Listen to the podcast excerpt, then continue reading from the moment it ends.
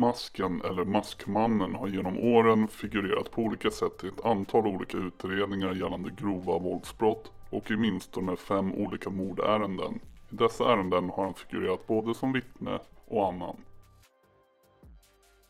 Den 25 november 2014 mördas Ellie Messo med ett flertal skott från en automatkarbin då han anlände till sin bostadsadress på Turebergs allé i Sollentuna i sin bil. Sex personer åtalas misstänkta för inblandningen i målet med dödsskjutningen av den 32-åriga mannen i en svart Audi RS6. 25 kulor avlossades från ett automatvapen, en Kalashnikov AK47. När polisen kom till platsen satt offret kvar på förarsätet med säkerhetsbältet fastspänt. Efter mordet hoppade skytten iskallt in i en falskskyltad Mercedes AMG. Enligt ett vittne var det en promenerande man som riktade automatvapnet mot den svarta Audin och tryckte av skottsalvan. Samtidigt rullade det en vit eller silverfärgad Mercedes i sakta bredvid. 25 kulor gick igenom den svarta Audins ena sida, plåt och fönster. Efter mordet visade skytten på iskyla och gick lugnt in i Mercedesen enligt vittnen. Elimesso var enligt polisen en yrkeskriminell person som tillsammans med masken hade olika affärer med personer som genererade pengar. En sådan person var Hamid som tillsammans med Elimesso hade bilaffärer med en person vid namn Mikael Arbinge.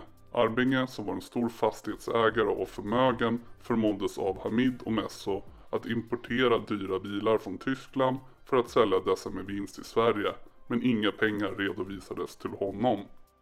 Den 51-åriga fastighetsägaren och mångmiljonären hittades skjuten i baksätet på sin bil den 29 mars 2014 intill ett koloniområde på norra Djurgården i Stockholm. Han ägde vid sin död 418 hyreslägenheter. Senaste deklarerade kapitalinkomster låg på omkring 80 miljoner kronor. En misstänkt för detta mord var under en period Hamid. Hamid hittades skjuten till döds tillsammans med sin flickvän i ett parkeringsgarage vid sin bostad i Axelsberg den 13 september 2014.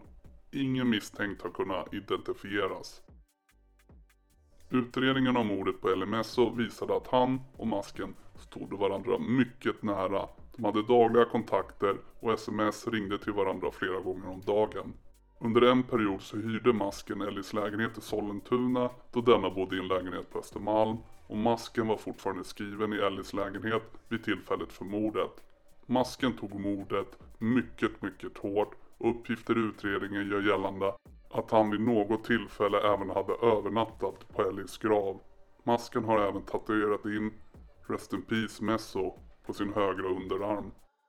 Utredningen angående mordet fortgick och sammanlagt sju personer åtalades för olika grad av inblandning i mordet på Ellie.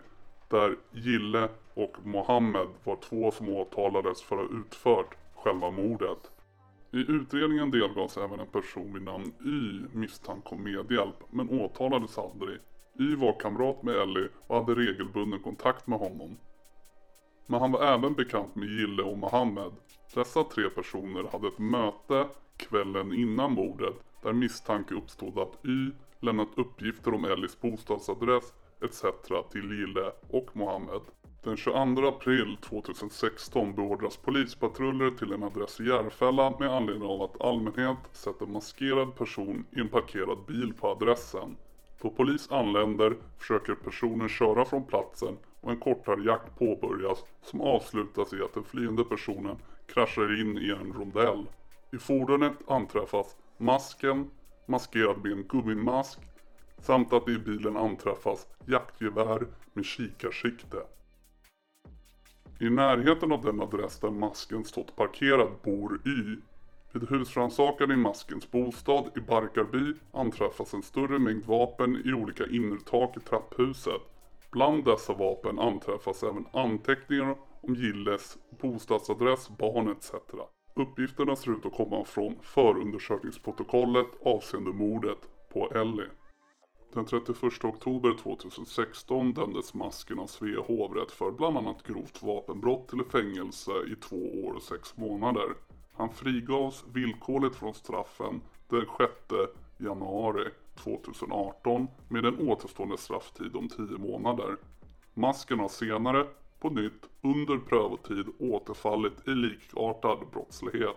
Han fälls då av tingsrätten och sedan i hovrätten för de har kommit fram till att det är klarlagt att masken har innehaft en laddad revolver och en automatkarbin med två tillhörande magasin.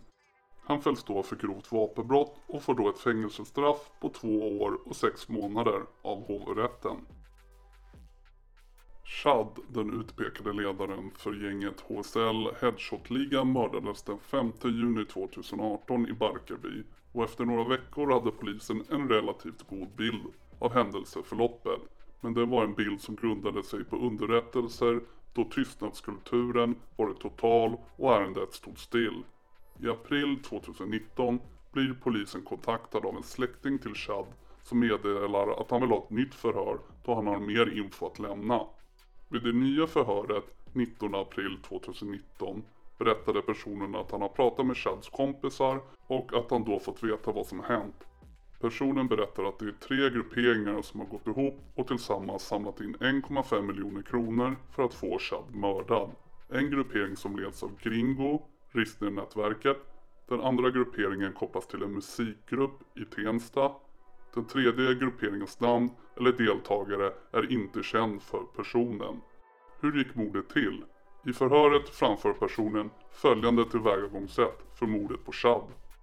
Personen U tar uppdraget att planera mordet. U bor i Barkarby alldeles i närheten där Chad blev mördad. U meddelar en adress till Kurdiska räven. Kurdiska räven kontaktar i sin tur Chad och ger honom direktiv att åka till adressen och därefter meddelar Kurdiska räven till U att Chad är på plats.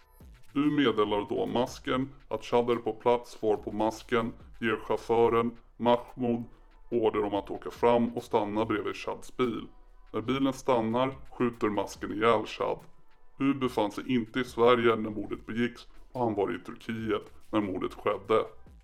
Personen är övertygad om att kurdiska räven var medveten om att Chad skulle bli mördad.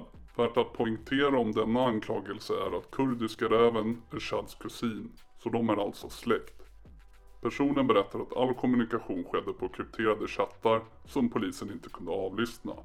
Undersökningsledaren bekräftar att en enkrotelefon påträffades i Chads bil på brottsplatsen.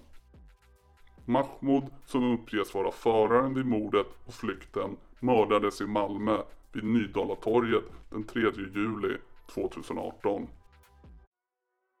Enligt uppgifter, trots att masken inte ska vara knuten till något specifikt nätverk, ska alla vara rädda för honom. Han har även kallats för Maskmannen då han använder sig av flera masker när han gör brott. En mask såg ut som en gammal gubbe och en annan mask såg ut som en afrikan. Maskerna är väldigt påkostade och dyra.